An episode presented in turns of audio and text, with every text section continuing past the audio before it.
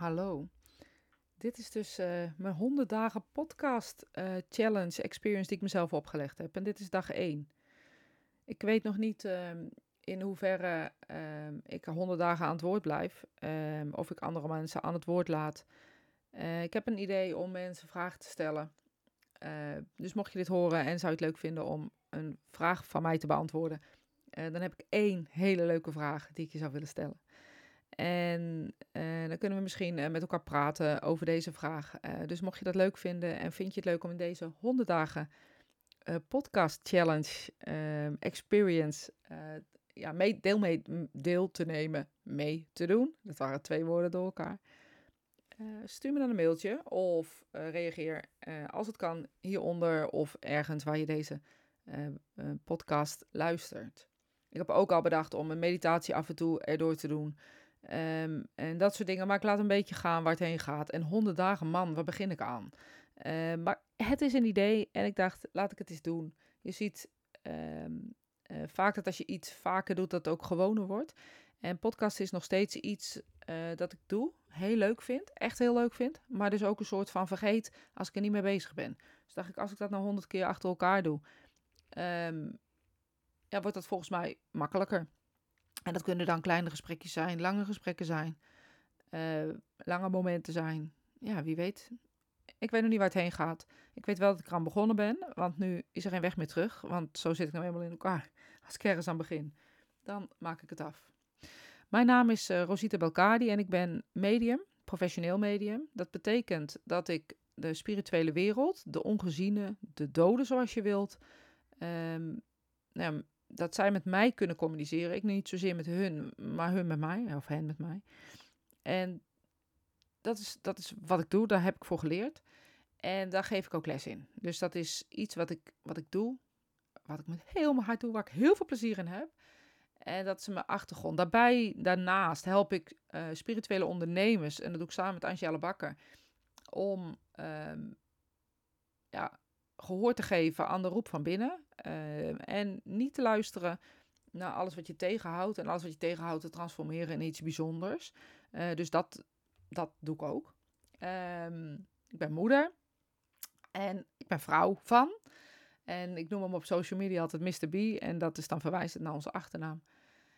Uh, ja, dat is wat ik doe. Ik ben half Griekse. Dat betekent dat de andere helft uh, Nederlands is. En uh, beide uh, zijden zijn er. En ook in conflict met elkaar. Maar het is wel wat het is.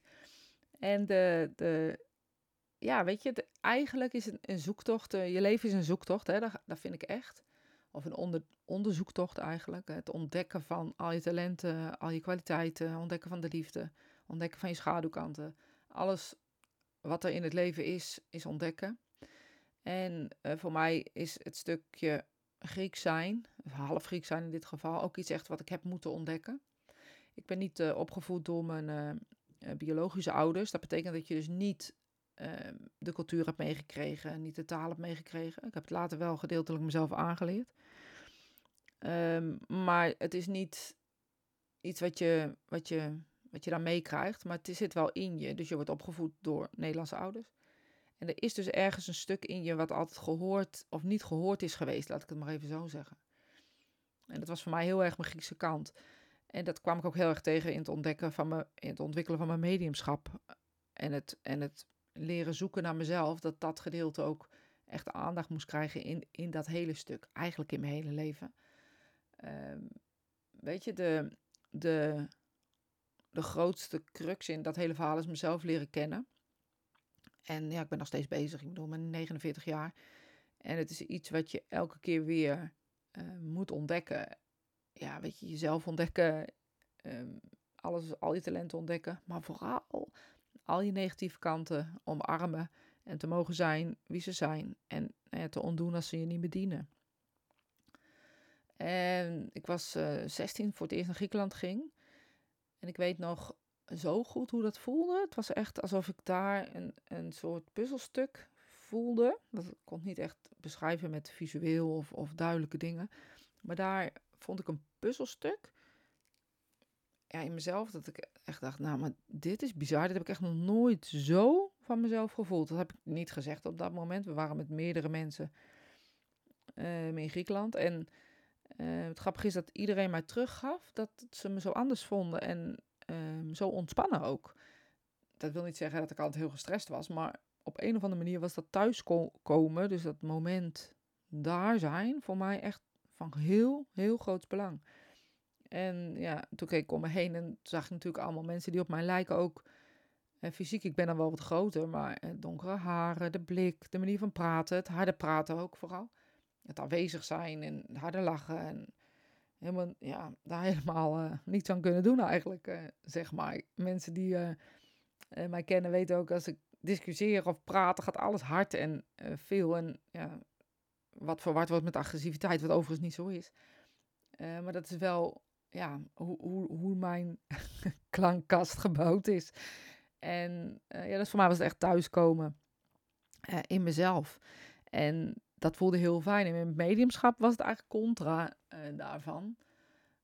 Want weet je, dat was vooral, vond ik daar van alles van. Ik heb heel erg tegen gewerkt dat ik dat niet wilde, want het was zweverig en raar, stom. En wie zat daar nou op te wachten? Je belandt in een hoek. toen die tijd uh, dat nu inmiddels wel al wat anders. Maar toen die tijd was het echt wel een spirituele hoek waar ik gewoon helemaal niet thuis paste. Gewoon helemaal niemand die op mij leek eigenlijk. Dus in tegenstelling tot daar thuiskomen gevoel, was voor mij mediumschap echt contra gevoel. Dat ik echt dacht, ja, dit is niet hoe het is. Dus ik ben heel erg op zoek gegaan. Een soort gelijkgestemdheid die ik slecht kon vinden in het begin. En uiteindelijk wel, um, ja, uiteindelijk wel gevonden heb uh, zeg maar. En dat komt omdat ik het bij mezelf gevonden heb nu. Dus ik ben mijn eigen thuis geworden. En zowel in het half-half zijn en uh, ook in het mediumschap zijn. Dus mezelf leren, ja, zijn voor wie ik was. En, en niet zoveel van te vinden. En als ik er wel wat van vond, er naar kijken en het spiegelen met mezelf. En nou ja, goed, iedereen die bezig is met zelfontwikkeling uh, snapt dit stuk. Dat je altijd even, ja, of even, net of het uh, een, een, een, noedelsoep is of zo.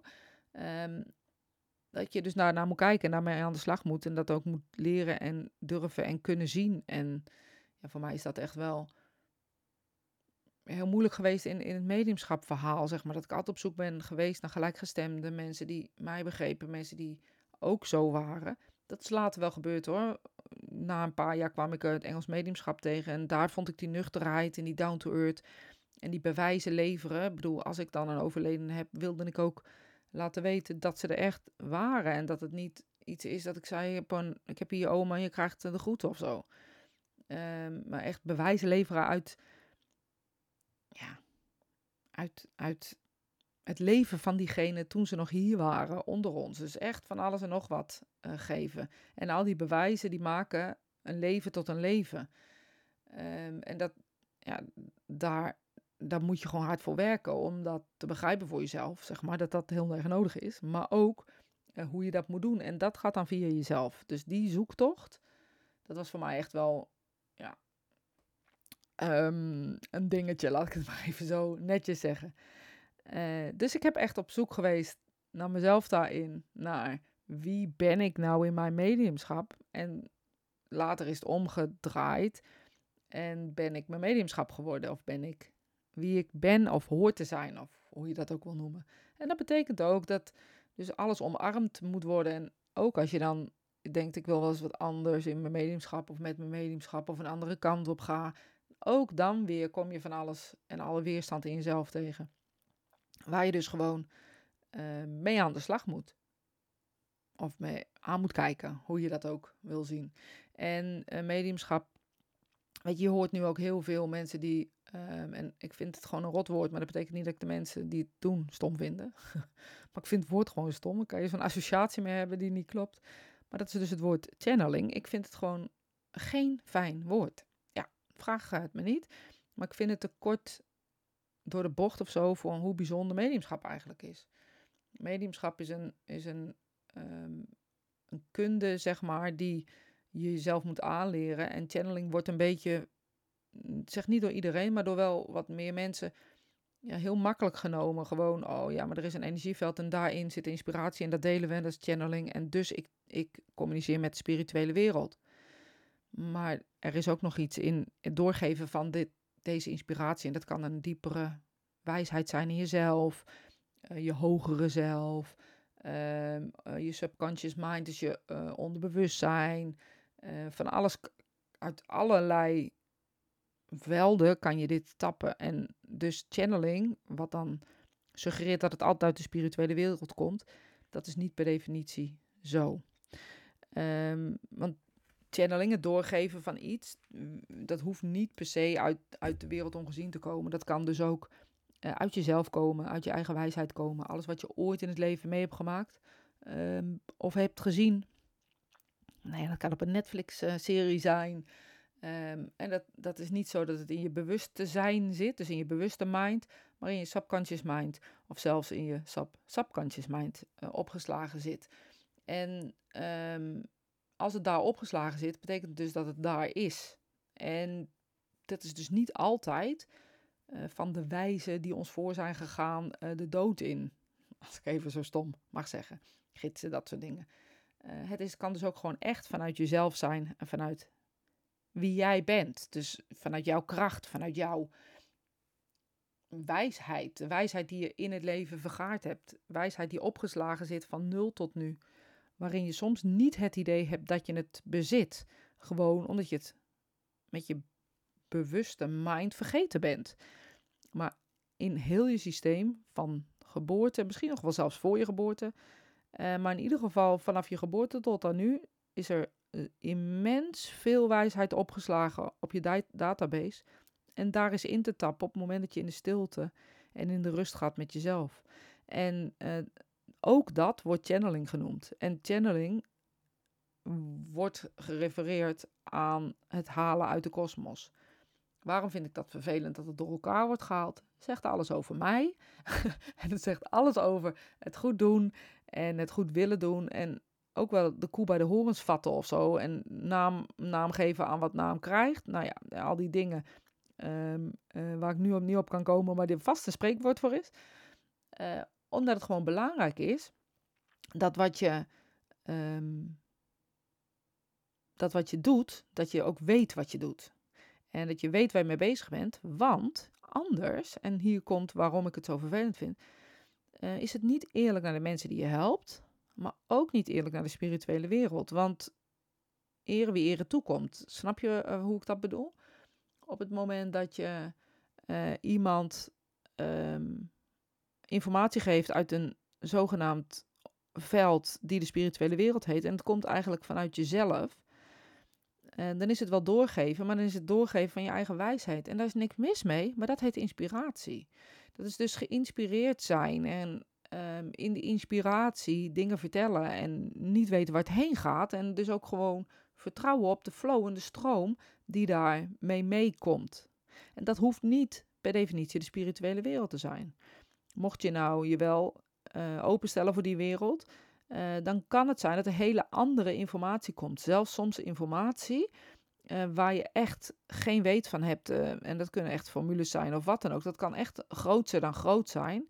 Ehm, dat hoeft niet, maar dat, dat kan wel. En het kan ook dienen voor degene die tegenover je zit op dat moment. En inspiratie kan dus van vele plekken komen. En het is interessant om te, uit te zoeken waar komt die inspiratie vandaan. Nou, heel lang verhaal om uit te leggen waarom ik een hekel aan woord channeling heb, maar daarom dus. Ik vind gewoon, weet wat je doet en weet ook met wie je of wat je of welke stroom van informatie je um, ja, praat. Volgens mij is dat van groot belang. Maar goed, dit was dus de eerste van 100 podcasts. En uh, toen ik begon dacht ik, hoe moet ik in helemaal 100 podcasts vol krijgen? Maar als ik zie uh, waar ik nu geïnspireerd vanuit waar dan ook, ik weet zeker dat het vanuit binnen was, uh, spreek, denk ik dat het misschien wel ehm, makkelijker is dan dat ik denk. Maar in ieder geval, ik heb een hele leuke vraag. Dus mocht je nou denken, ik lijkt me echt heel erg leuk om met jou in gesprek te gaan ziet of um, jouw vraag te horen, stuur me dan een mailtje, een berichtje of waar je dit ook leest of hoort, sorry. Ehm, want wie weet uh, wordt dat wel een heel leuk gesprek in deze honderd keer podcasten. En het kan dus ook gewoon zijn dat ik je meeneem in de sleur van alle dag. En dat ik je vertel over hoe mijn dag was. Um, nou, wens je een ontzettend fijne dag voor nu. En nou, ik spreek je morgen dus. Tot morgen.